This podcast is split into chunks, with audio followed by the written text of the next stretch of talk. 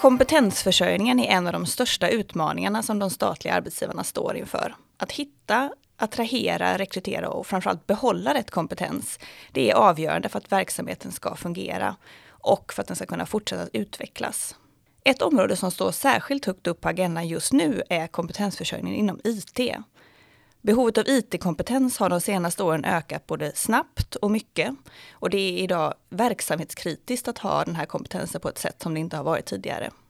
Och vi kommer i dagens podd att fördjupa oss i vad bristen handlar om och vilka lösningar vi kan se. Och med mig här idag för att diskutera det här har jag två gäster. Det är Åsa Zetterberg som är förbundsdirektör på Tech Sverige, alltså för detta IT och telekomföretagen.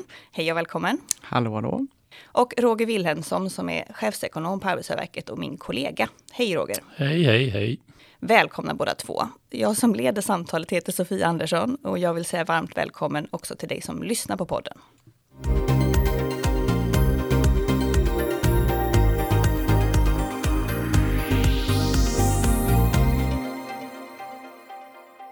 Att hitta rätt IT-kompetens är idag en utmaning som alla arbetsgivare på hela arbetsmarknaden brottas med.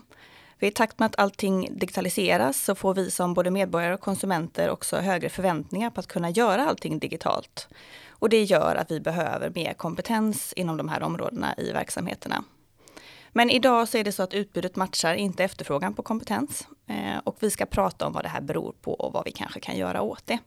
Men innan vi fördjupar oss i det här så vill jag veta mer om er, eh, Åsa och Roger. Åsa, kan inte du börja och berätta, vem är du och vad gör du? Ja du, var ska vi börja? Idag är jag förbundsdirektör som sagt på Tech Sverige. Det är en bransch och arbetsgivarorganisation för drygt 1400 företag i Sverige. Ehm, företag som har funnits länge eller som är nya, de som finns i hela världen och de som ägnar sig åt mest eh, tjänster och eh, produkter i Sverige. Det är de som gör att det, vi kan koppla upp våra olika enheter, eh, snabbt internet, det är de som levererar datorer och telefoner. Det är de som har smarta förädlade tjänster i allt från industrin till offentlig sektor till ja, handel och så vidare. Så det är många spännande företag. Det är verkligen en framtidsbransch. Ehm, där befinner jag mig idag. Jag har tidigare varit på regeringskansliet och hade en roll som hette regeringens Chief Digital Officer. Och innan dess så hade jag många år på Sveriges kommuner och regioner där jag också arbetade med digitaliseringen inom välfärden. Just det. Och ni har ju just bytt namn till Tech Sverige. Varför gjorde ni det? Ja, men det är lite på temat här idag. Eh, både för framförallt för att våra medlemsföretag ser sig själva i större utsträckning som en del av något större av tech och att det liksom inte riktigt räcker att prata om IT och telekom, att det är lite mer förlegat som sådant. Eh, jag ser det också som en employer branding, rent ut sagt också för en bransch som ska attrahera fler och eh, faktiskt omfamna betydligt mycket mer än det som kanske traditionellt var IT och telekom. Så att eh, ja, vi såg att det var dags nu och fick ett stöd från våra medlemsföretag att ta den här vägen framåt och vi, vi omfamnar nu tech i mycket större aspekter tror jag. Branschen som sådant och vi som organisation med allt från foodtech till cleantech till govtech till edtech till healthtech och förenande i allt det där är såklart fortfarande IT och telekom. Bra, jättekul att ha dig här. Och Roger, vad gör du på Arbetsgivarverket? Ja, jag är chefsekonom på Arbetsgivarverket och jag jobbar ju ganska brett med alla typer av samhällsekonomiska och makroekonomiska frågor kan man väl säga. Och jag har ju varit intresserad av de här kompetensförsörjningsfrågorna under ganska lång tid. Jag började redan i det akademiska kan man väl säga, där jag bland annat forskade och skrev en doktorsavhandling i nationalekonomi med inriktning mot arbetsmarknad och arbetsmarknadsfunktionssätt framför allt. Kan man säga. Sen kan man väl i sammanhanget också tillägga att jag de senaste åren då när jag varit på Arbetsgivarverket blivit mer och mer intresserad av digitaliseringsfrågor och för fem år sedan är det väl nu, tror jag, vi skrev en rapport som handlar om digitalisering och olika beröringspunkter med arbetsgivarpolitiken. Och jag tror att det var cirka 20 områden som vi skrev om. Och flera av dem handlade ju väldigt mycket om kompetensförsörjning. Då. Så att eh, sen har jag ju eh, liksom ja, tyckt att det här varit väldigt avgörande för, för eh, kompetensförsörjning, det här med IT. Så att det är en väldigt viktig fråga, tycker jag. Och det här är också en nyckelfråga för Arbetsgivarverket, kompetensförsörjningen generellt, men eh, inom IT framför allt just nu då. Ja, det har blivit så. Bra, jättefint att ha er här. Behovet av IT-kompetens har alltså ökat enormt eh, och idag är det en nyckelkompetens i de allra flesta verksamheter, även verksamheter som vi kanske inte tänker på spontant egentligen. Du nämnde ju några stycken då sen när du gjorde din introduktion här. Och samtidigt är det också så att eh, det här eh, efterfrågan på kompetensen överstiger ju utbudet idag. Ni pratade om att det saknas 70 000 personer på arbetsmarknaden. Vad, vilka är de här personerna och hur kommer det sig att vi har liksom den här stora diffen mellan utbud och efterfrågan? Vi, eh, våra undersökningar visar på att vi har ett underskott på 70 000 till 2024 och redan idag är underskottet antagligen någonstans i, i den eh, häraden också. Eh, nej men, mm, det finns flera skäl till att vi befinner oss där vi är. Det är ju en enorm utveckling vi har varit med om. Alltså hela digitaliseringen, omställningen i samhället, all den teknikutveckling som sker, som driver på. Och det är både liksom teknikutvecklingen och den branschen som växer, men det är också samhället i övrigt som ska nyttiggöra det här, ta hand om det, ibland minska sårbarheter i förhållande till att vi har en annan typ av värld idag. Så att det är många saker som trycker på eh, i förhållande till att vi har en väldigt stark teknisk utveckling. Vi har massor med nya möjligheter idag att använda smarta lösningar, om det så gäller för klimatet eller hälsan, eller bli mer effektiv, öka kvaliteten, automatisera. Och det gör att det behövs ju människor för att ta hand om all potential och ibland minska risker och annat i det sammanhanget. Så att det är, det är både eh, själva samhällstrenden kan man säga och sen har vi inte lyckats tillräckligt, även om jag skulle säga att vår bransch har ju ökat enormt eh, i antal människor. Vi är 250 000 idag. Jag tror om, om det på de tio senaste åren att det ökat med 40 procent. Alltså, så att det är ju inte så att branschen inte har vuxit och antal människor som jobbar inom branschen inte ökar i en jättestor takt. Men det är ändå inte tillräckligt givet de totala behoven. Och det här är ju en global fråga. Så det är också så att vi, vi behöver liksom, eh, vad ska man säga, eh, vi kan inte bara rekrytera folk från andra länder som skulle tycka att det var fantastiskt att vara just i Sverige för att vi just i Sverige behöver den kompetensen, utan det är ju en global utmaning. Det är ett jätteviktigt perspektiv tycker jag, att det här verkligen är ett väldigt stort problem överallt. Går det att säga någonting om vad det är för typ av kompetenser eller är det, liksom, är det alldeles för brett för att kunna peka ut några stycken? Som... Jag vill nästan börja med att säga att alla möjliga kompetenser behövs. Och vi har väldigt många olika typer av jobb, yrken och förmågor som kommer efterfrågas framåt. Såväl i techbranschen som till exempel inom det som Arbetsgivarverket nu också ser behoven inom och hela offentlig sektor. Eh, men när vi gör den här undersökningen då är det framförallt fortfarande också på programmering och där finns ju några programmeringsspråk som är fortfarande de som man efterfrågar mest kring. Det kan vara allt från eh, Java och Python och SQL och, och så vidare. Eh, och det är mycket både backen som man säger, frontend och det är mycket design. Eh, men det är också projektledning, affärsutveckling eller verksamhetsutveckling. Det är också de som jobbar med säkerhet, det är de som jobbar med användarvänlighet. Vi kommer ha nya tillgänglighetsdirektiv som kommer påverka oss alla i de delarna. Och hela, skulle jag säga, åt, för att inte underskatta betydelsen av att ha stark kompetens på informations och cybersäkerhet framöver. Så att det är många olika delar och inte minst finns det behov av de som befinner sig i gränslandet mellan, om man säger, en verksamhetskunskap inom Eh, om vi skulle säga inom skola, inom vården eller inom, eh, eh, vad ska jag säga, inom skatter eller vad som helst. Alltså den här domänkunskapen som du har addera till också att du då behöver förstå lite mer av de tekniska ingredienserna kopplat till hur kan vi driva en utveckling inom vårt område. Det kommer vara jättestor efterfrågan framåt också. Just det.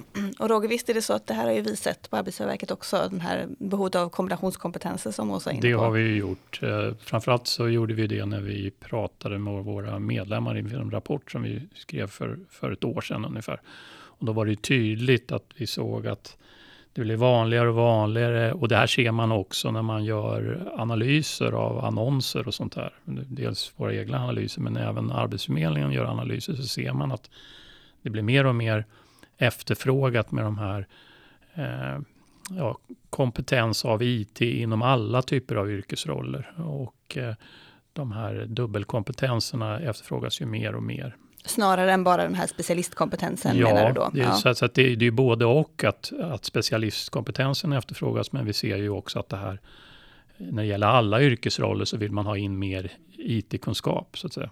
Och hur ser det ut annars då med bristen inom staten? Jag vet ju att den, den gick ju ner under pandemin tillfälligt, men nu börjar vi se att bristen ökar på den här kompetensen inom staten igen. Ja, när pandemin dök upp så fick vi ju tvärstopp i ekonomin kan man ju säga och eh, efterfrågan sjönk ju väldigt snabbt i näringslivet och eh, de är ju mer konjunkturkänsliga än vad vi är i offentlig sektor och, och eh, så att konkurrensen om arbetskraften minskade ju ganska mycket då under pandemin, eller åtminstone under 2020. Då. Och en annan förklaring är väl också att eh, det här drabbade, pandemin drabbade ju också myndigheterna så att eh, många av de stora IT-projekten lades ju lite på is under pandemin. Eh, och det bidrog väl också lite till att, att det inte var så svårt att rekrytera för oss eh, inom vår sektor. Då.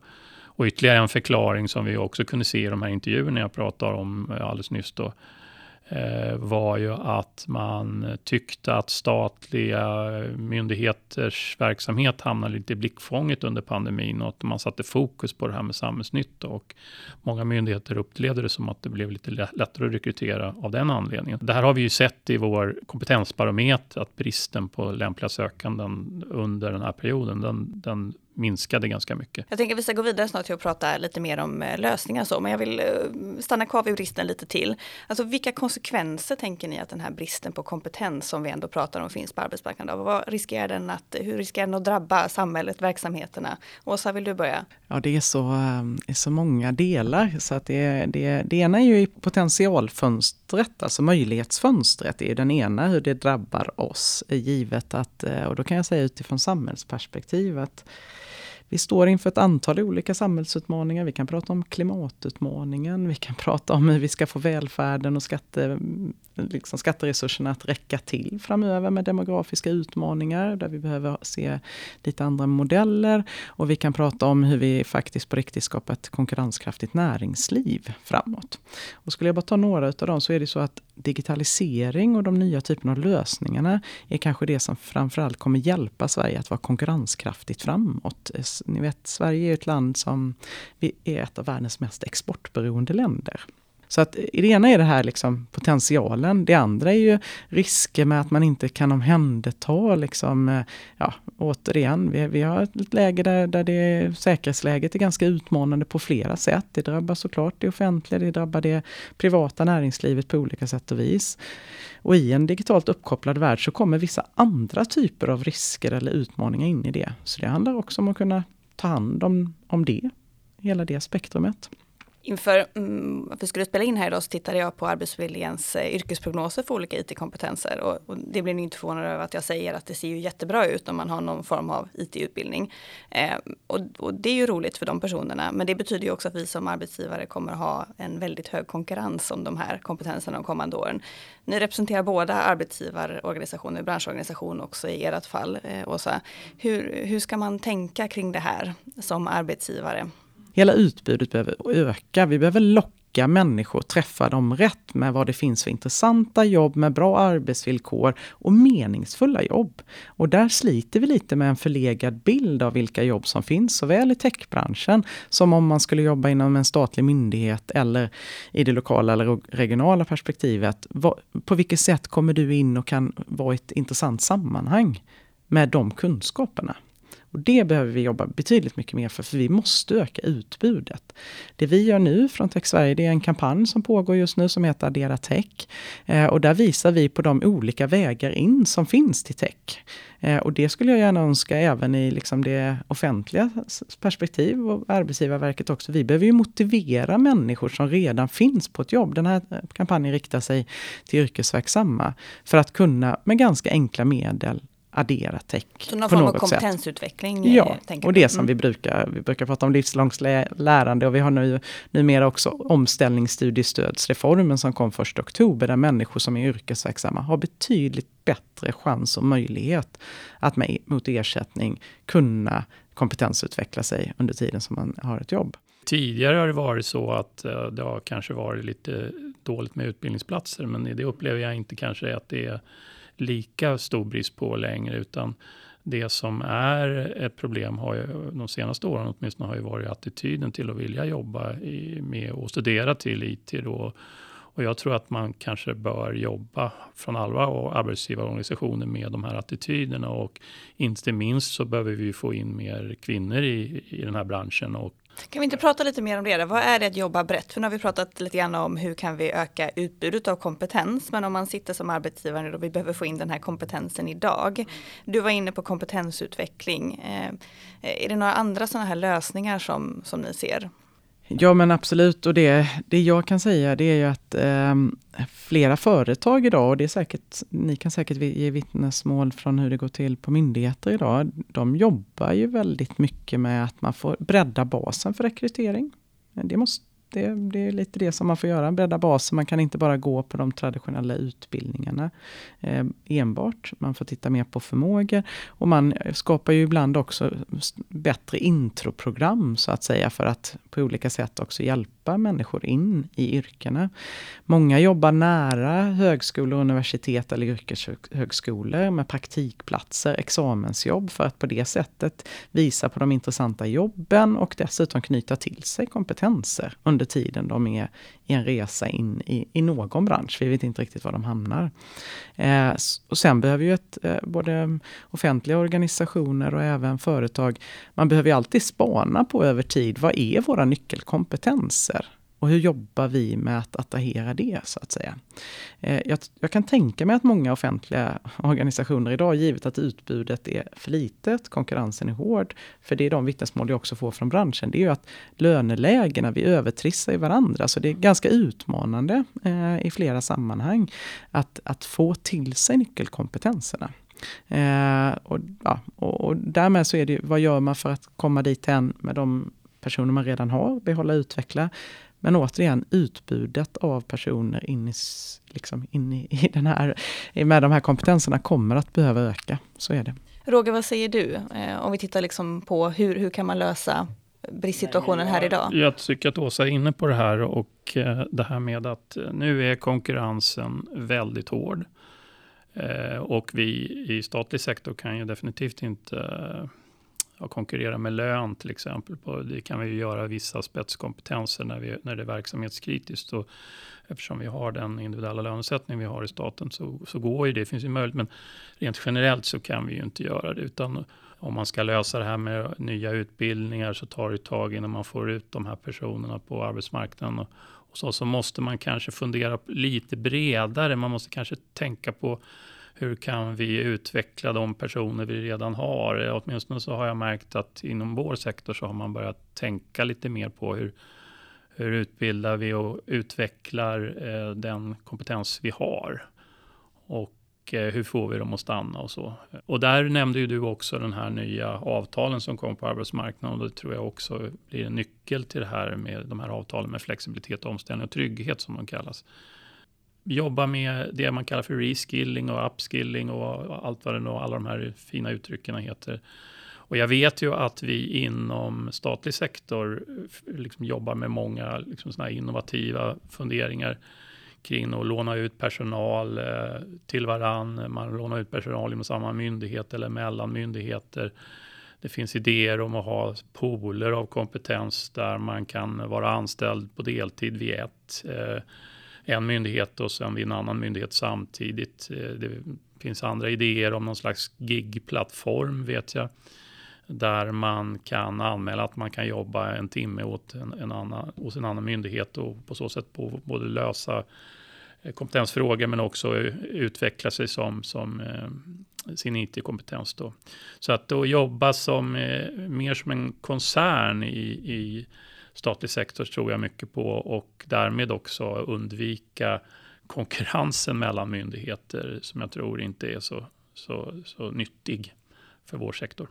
Eh, jag hoppas ju och tror att vi ska hitta eh, kloka och bra partnerskap där vi har en techbransch som ligger på spets och eh, kan också ha bredden i olika delar som kan hjälpa hjälpa den offentliga sidan i olika delar. Det är givetvis så att vi behöver ibland ha inhouse expertis. Men vi behöver också hitta former för, och det är viktigt att, att marknaden och våra medlemsföretag är lyhörda för det som, som det offentliga behöver i olika delar. Men det, det andra jag tänkte säga också är att eh, många av de kloka som nu, som nu eh, kan rekrytera väl, de jobbar ju väldigt mycket också med i sina rekryteringsannonser, hur vi beskriver dem, vilka foton foto vi har, vad är det för typer av... Återigen, om vi ska träffa bredare så får man ta till alla verktyg så att säga, alla verktyg. En del är också varumärkesbyggandet, så att det företag gör och det jag vet man gör på offentlig sektor, det är ju att ännu starkare beskriva varför är det intressant att vara i det här sammanhanget överhuvudtaget? Vad är det jag får vara med om för spännande resa? Varför är det här meningsfullt? Hur bidrar jag? Det är inte bara så att man är en programmerare. Den här bilden av att vi skulle ha datanördar som sitter i en källare och inte är med i, i, i leken, så är det absolut inte.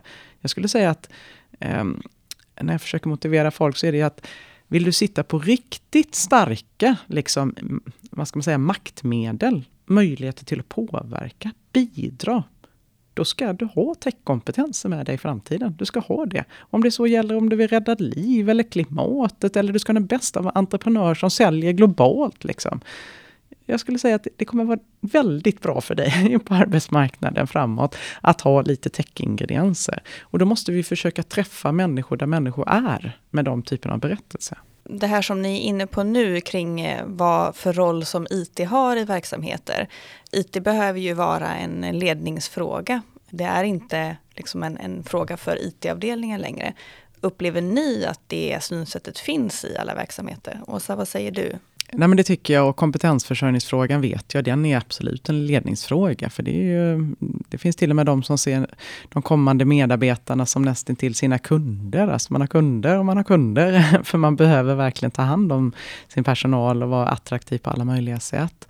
Eh, så det tycker jag nog, eh, jag vet ju från mina tidigare erfarenheter där att att det inte alltid är så att, och då är det inte bara kompetensförsörjningsfrågan, men hur vi ska utveckla vår verksamhet med stöd av smart teknik och digitalisering, att det, det skulle vara något som ligger vid sidan om. Och så är det för många organisationer, inte bara offentlig sektor utan även näringslivet i övrigt i vissa delar. Jag tror mycket har hänt de senaste åren, verkligen så. Men eh, om man ska säga så är det inte så konstigt att vi, men alla kan inte vara bäst på allt och man kan inte kunna allting. Men man behöver nog omfamna det ännu bredare och se till att man har bästa kompetensen i rummet, om det så är i styrelsen eller ledningsgrupper där man befinner sig, eh, såväl i offentlig sektor som, som i eh, det privata näringslivet framöver. Och jag tror inte vi, vi är inte hemma där, det kan jag nog, det kan jag nog säga. Vad säger du Roger? Nej, jag tror att eh, vi har nog ännu mer, en ännu större läxa att göra där i offentlig sektor faktiskt. Eh, eh och jag menar ju inte att, att ledare och chefer ska kunna eh, programmera eller något sånt där, utan man måste veta vad man kan använda tekniken till. Eh, och vad, vad kan jag använda den här tekniken för att, för, att, för att utveckla vår verksamhet? Och det upplever jag att där har finns det en ganska eh, dålig eh, digital kunskap eh, kring eh, ledarskapet i, i eh, offentlig sektor. Just det. Eh, jag tänker nu har vi pratat lite grann om eh, rekrytering, vi har pratat lite grann om utveckling av kompetens. Eh, om vi tittar på att behålla kompetensen när man väl har kommit in den, fått in den i verksamheten. Eh, vad har ni, hur jobbar ni med den frågan från Tech Sveriges sida? Eller era företag egentligen? Ja, men det handlar ju ständigt och jämt att vara attraktiva ha bra arbetsvillkor. Ehm, eh, och att eh, motivera med, med spännande och intressanta uppdrag och så vidare. Och såklart att man, man så som jag uppfattar både talanger och, och medarbetare idag eh, i olika sektorer, så man är intresserad av att vara ett bra sammanhang, intressant sammanhang där jag kan lära mig saker, där jag också får känna trygghet att kunna utvecklas och så vidare. Och lite så kan man säga att vår bransch kan bara åka med där, för det är ju en bransch som utvecklas och många av sakerna som händer och sker det är bara att hänga på, liksom, för annars företag överlever ju inte om de inte hänger på liksom, och inte står sig i konkurrensen. Ibland kan det nog vara lite mer utmanande i vissa delar i offentlig sektor där, för att det inte det är inte samma vad ska man säga, omvärldsförändringstryck som det är när man är konkurrensutsatt. Annars, antingen finns du på marknaden eller så finns du inte. Så att en del av det tror jag finns där. Eh, det vi behöver jobba med är fortsatt med inkludering och liksom kulturen. Det har varit ändå en eh, relativt mansdominerad bransch. Synliggöra det och det, där kom också ledarskapet in i väldigt stor utsträckning. En annan sak som jag var nyfiken på är att jag har hört dig prata om eh, techbranschen som Sveriges nya basindustri. Kan inte du säga några ord om, om vad du menar med det och varför det är viktigt att ha det här perspektivet också? Absolut. Eh, ja, men vi har tagit fram lite olika rapporter för att visa på eh, återigen den centrala roll som techbranschen betyder för samhället. Eh, och ser vi på utvecklingen från 1981 till 2020 så har ju techbranschens bidrag till BNP ökat med 1300 procent eh, och är, var 2020 281 miljarder. Det är mer än det sammanlagda värdet av de traditionella basindustriernas bidrag, det vill säga mineraler och skog och jordbruk och så vidare. Och vi lever ju ofta med en bild om att Eh, och det har byggt Sverige starkt, basindustrierna. Och vi vill verkligen, det är viktigt för Sverige fortsatt också. Men man får inte missa att den bransch som nu bidrar väldigt starkt till svensk BNP, det är techbranschen som har haft en enorm utveckling i den delen. Vi har också enorm utveckling när det gäller i, i hur stor utsträckning vi exporterar och på det viset också bidrar till, till eh, svenskt välstånd. Um, så att eh, vi vill väl visa på det i det avseendet, det är ju bland annat för att lyssna lite mer på branschens behov, bland annat till kompetensbristen, för att vi vet att det är så viktigt för, för att hela systemet ska rulla framåt.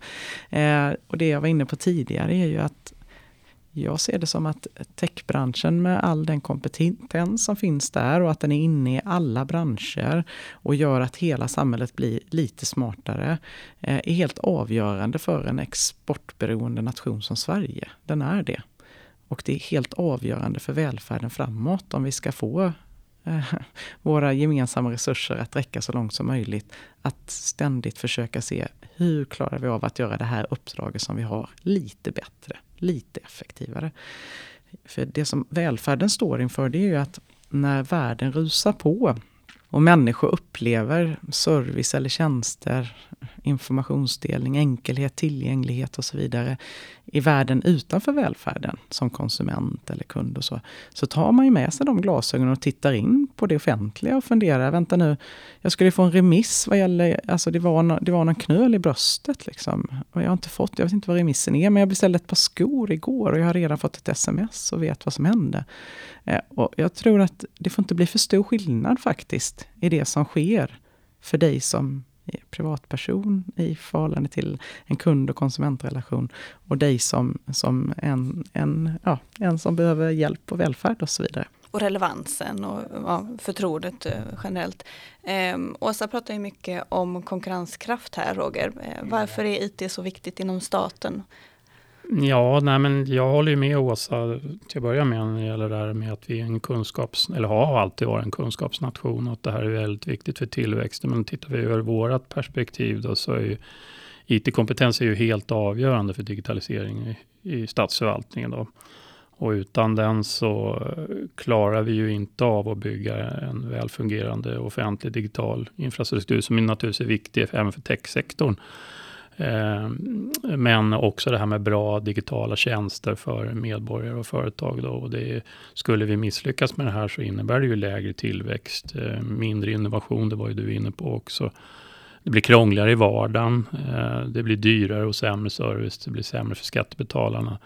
Och du var inne på det här med mindre hållbart också samhälle. Tekniken är ju väldigt viktig ur det perspektivet. Och mindre säkert samhälle, mindre tryggt samhälle. Och jag tror att, som du var inne på också, att medborgarna har ju högt ställda förväntningar på det offentliga när man nu har lärt sig det här med eh, som privatperson, att vad man, vad man faktiskt kan göra, så för, har man nog stora förväntningar även på de offentliga tjänsterna, tror jag. Jag tror att det kommer bli många som blir väldigt besvikna om vi misslyckas med det här. Så därför är ju den här, det här med kompetensförsörjning med IT en avgörande eh, fråga för oss i offentlig sektor. Och jag tror att eh, i slutändan så tror jag att tilltron till staten kan till och med försämras om vi inte lyckas, lyckas med den här frågan. Så att, jätteviktig fråga egentligen ju. Det börjar snart bli dags att runda av. Eh, jag skulle vilja att vi blir lite mer konkreta innan vi slutar. Eh, vi har idag en utbredd brist på kompetens. Vad gör Tech Sverige, Åsa? Du har ju varit inne lite grann, men om du ska svara så här, det här gör vi? Nej, men vi försöker hjälpa branschen såklart eh, med att eh, vara så attraktiv som möjligt i olika delar. Vi jobbar med att främja jämställdheten med checklister, med, med att motivera och ta fram fakta på den delen, vad man kan göra som arbetsgivare. Vi driver den här kampanjen just nu, Addera Tech, som vi eh, försöker då målgruppsanpassa, inte minst till kvinnor, men andra också, som ska känna sig mer träffade och välkomna till att komma till branschen. Vi, vi vill nog ha en, ännu mer av en retorik i att sänka trösklarna in till de här typerna av jobb. Och dessutom att det finns väldigt många olika typer av jobb. Vi tar fram fakta och eh, driver sen då också opinionsbildning kring det och påverkan. Vi eh, i detta nu så försöker vi uppvakta politik eh, och vi har även dialog med akademin och även eh, Eh, statliga myndigheter på olika sätt eh, för att, eh, för att påtala de utmaningar som vi ser med dagens system. Kanske hitta nya samverkansansatser eh, och så vidare. Eh, för att göra det jobbet bättre. Vi tittar också på något som är viktigt för vår bransch, i arbetskraftsinvandringsfrågan. Det, vi är den bransch som kanske rekryterar flest från andra länder och inte minst från länder utanför EU för att klara här och nu-frågorna som sådant. Ligger där. Jättebra, tack. Roger, vad gör Arbetsgivarverket? Ja, nej, vi jobbar ju mycket med eh, gemensamt med våra medlemmar såklart genom att samverka kring den här typen av frågor när det gäller IT-kompetens. Jag tycker det här med goda exempel och lyfta dem är väldigt intressant. Sen så samarbetar vi ju med myndigheterna kring det här med employer branding såklart. Och vi har ju också vår jobbsökarsajt Jobba statligt Sen har vi varit inne på en annan sak, det är ju avtalen som vi försöker, vi försöker stödja. Alla våra avtal försöker vi stödja våra medlemmars kompetensförsörjning. Men eh, vi var ju inne på det också tidigare, det här med avtalet om omställning, trygghet och flexibilitet ger ju faktiskt väldigt bra förutsättningar för att kompetensutveckla inom de här områdena, den befintliga arbetskraften vi har. Och sen bedriver vi ju precis som Tech Sverige då, intressebevakning kring utbildningsfrågorna och utbildningsdimensionering och vi har ju dialog med utbildningssamordnare och AF, Arbetsförmedlingen och eh, yrkeshögskola och så. så att, eh. Jättebra, tack så mycket. Eh, vi har idag pratat om IT-kompetensbristen på arbetsmarknaden och i verksamheterna eh, och vad vi tillsammans eh, kan och behöver göra för att kunna komma åt det här problemet. Och en sak som jag tar med mig från dagens samtal är att den här konkurrenssituationen är inget bra för någon av oss. Och lön kommer inte ensamt att lösa det här, utan det är andra åtgärder som vi behöver sätta in för att komma åt problemet. Eh, innan jag släpper iväg er så vill jag ställa en sista fråga. Eh, och det är om ni, vill, om ni får lyfta fram en sak eh, som ni vill skicka med alla som lyssnar nu då, vad är det? Åsa? Men då tycker jag ni ska gå in på Addera Tech, vår webbplats som finns. Eh, där hittar ni massor med bra tips. Ni kan göra tester och se vad skulle ni passa som. Och det finns flera säkert i staten och det finns andra som kommer lyssna på det här. Som faktiskt ska se att det finns mycket, väldigt mycket intressant och det breddar dina möjligheter att såväl jobba inom staten eller offentlig sektor eller inom techbranschen. Så Addera Tech. Spännande, tack. Roger, vad vill du skicka med? Ja, nej, men jag tycker att det här eh, att det är viktigt att ha med sig att jag tror att vi även fortsättningsvis för åtminstone de närmaste tio åren får se en ganska tuff konkurrens om IT-kompetensen och att eh, man då måste kanske jobba med att sin befintliga eh, kompetens och utveckla den och försöka behålla den då, inte minst. Och att jag tror att just det här med koncerntänket som jag var inne på eh, är någonting som vi, eh, våra medlemmar kan ta med sig och att man jobbar tillsammans för att eh, lösa det här på, på, med karriärvägar till exempel. Bra, tack så mycket. Sen vill jag också säga tack till dig som har lyssnat. Om du har några frågor eller förslag på ämnen som du tycker att vi ska ta upp i podden så får du jättegärna höra av dig till oss. Och då kan du skriva till webb.arbetsgivarverket.se så hörs vi snart igen. Hej då! Hej, hej.